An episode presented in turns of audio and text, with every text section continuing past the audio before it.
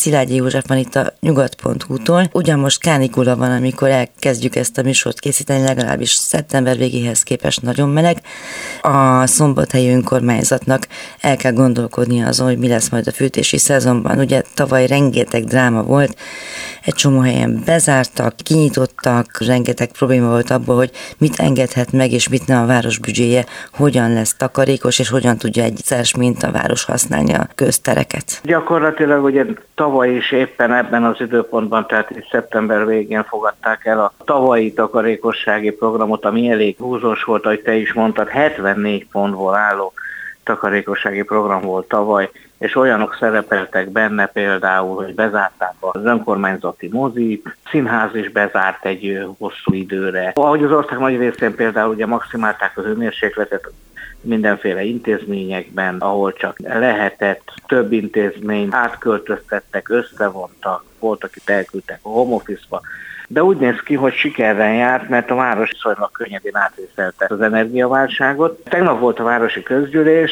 ahol ugyanúgy tavaly ilyenkor döntöttek egy új programról. Fel, megnézték egyébként, hogy a tavalyi program mennyire teljesült. Én külön megkérdeztem időközben a pénzügyekért felelős alpolgármestert, hogy mennyi pénzt tudtak megtakarítani ezzel a programmal. Hát azt mondta, hogy több százmilliós nagyságrendű, de pontos összeget nem tudott mondani, mert azt mondja, hogy még az összesítés még folyamatban van, ezt majd meglátják az év végén, akkor majd közlik, ha ezt ígérte legalábbis. Tehát a 74 programból maradt 28 összesen, amit az idén bevezetnek vagy folytatnak. Ezek általában ilyen kisebb programok, például nem lesz az idén megint diszkivilágítás este, csak a város ikonikusabb épületeinél, vagy a főterénél. Ugyanúgy maximálják az irodai munkavégzésénél a hőmérsékletet. Előírják ugyanúgy, mint tavaly is, hogy önkormányzati épületeket, vagy intézmények helyiségeit akkor adhatják bérbe, csak hogyha a bérbe vevő a rezsit is kifizeti. Rövidített időpontban lesznek nyitva a múzeumok például, de ezek csak ilyen napi egy-egy órát jelentenek. A színház például most ugyanúgy működik tovább, kivéve azt, hogy hétfői napokon zárva lesz, a mozi is megmarad, az is működik. Fűtik is a mozit, vagy amit tudom, a könyvtárat? Igen, fűteni fogják, de egy külön szabályozzák, hogy például az olvasótermekben, például a könyvtárban 20 foknak kell lenni, de végül a, raktár, végül a raktárakban 15-16 fokot írnak elő. Egyedül a idősek otthonában, illetve a bölcsödékben, óvodákban nincsen ilyen korlát a hőmérsékletekre, de lesz ugye nyitva a szabadtéri műjégpálya, például ez tavaly sem volt, de az annyi különbség van, hogy az idén a városi jégcsarnok nyitva lesz. Ugye a jégcsarnokot nem az önkormányzat működteti, ez egy érdekes sztori, erről írtunk mi már korábban is. Egy eh, utánpótlás jégkoron egyesület kapott TAO pénzekből épült fel a jégcsarnok. Tavaly bezárták télen, mert nagyon magas volt a, a rezsie, az, de az idén úgy néz ki, hogy működik. Tehát szombathelyen lehet majd korcsolyázni, az nem szabad téren.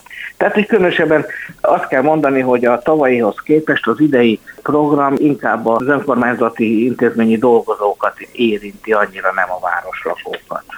Meg úgy is tűnik, hogy a tavalyi nagy riadalom után talán megedződtek a szombathelyiek, nem? Tehát, hogy most voltak éppen az, hogy kevesebbek a korlátozások, az úgy tűnik, mint hogyha valami szabadabb lenne. Igen, egyébként az azért az érdekes, hogy a legnagyobb felháborodás a mozi bezárása okozta, annak ellenére, hogy szombathelyen van egy mozi a plázában, tehát ilyen vállalkozó. Mozi ugyanúgy működött tovább. Teljesen megváltozott azért az energiaár is. Tavaly háromszor annyiba került a földgáz, mint az idén. Az elektromos áramnál is ilyen két-két és félszeresen volt a tavalyi árahoz képest, ahogy az idén tudnak szerződést kötni rá. Tehát nem csak a város szokott hozzá a dolgokhoz, hanem, hanem az árak is mentek azért lejjebb. Hát igen, meg gondolom, hogy az önkormányzat is jobban megtalálta azokat a forrásokat, mert tavaly tényleg senki nem tudta, hogy melyik fejét hova kapkodjon, hogy jobban megtalálta azokat az előnyös szerződéskötési lehetőségeket, amely hosszú Igen, távon biztosítja. Dolog, érdekes módon Szombathely hogy ellenzéki vezetésű város, de az önkormányzatokon, a megyei jogú városok önkormányzatok ezek kaptak néhány százmillió forintot kompenzációt a, a kormánytól, és érdekes módon itt a Nyugat-Dunától a legnagyobb összeget Szombathely kapta.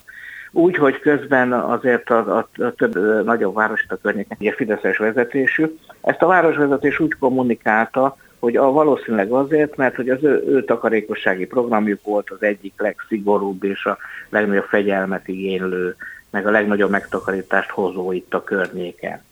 És hogyha ez tényleg így volt, akkor ebből viszont könnyű nagyot engedni most erre az idei szezonra. azt beszélik. Műsor azoknak, akik kíváncsiak az ország ügyeire.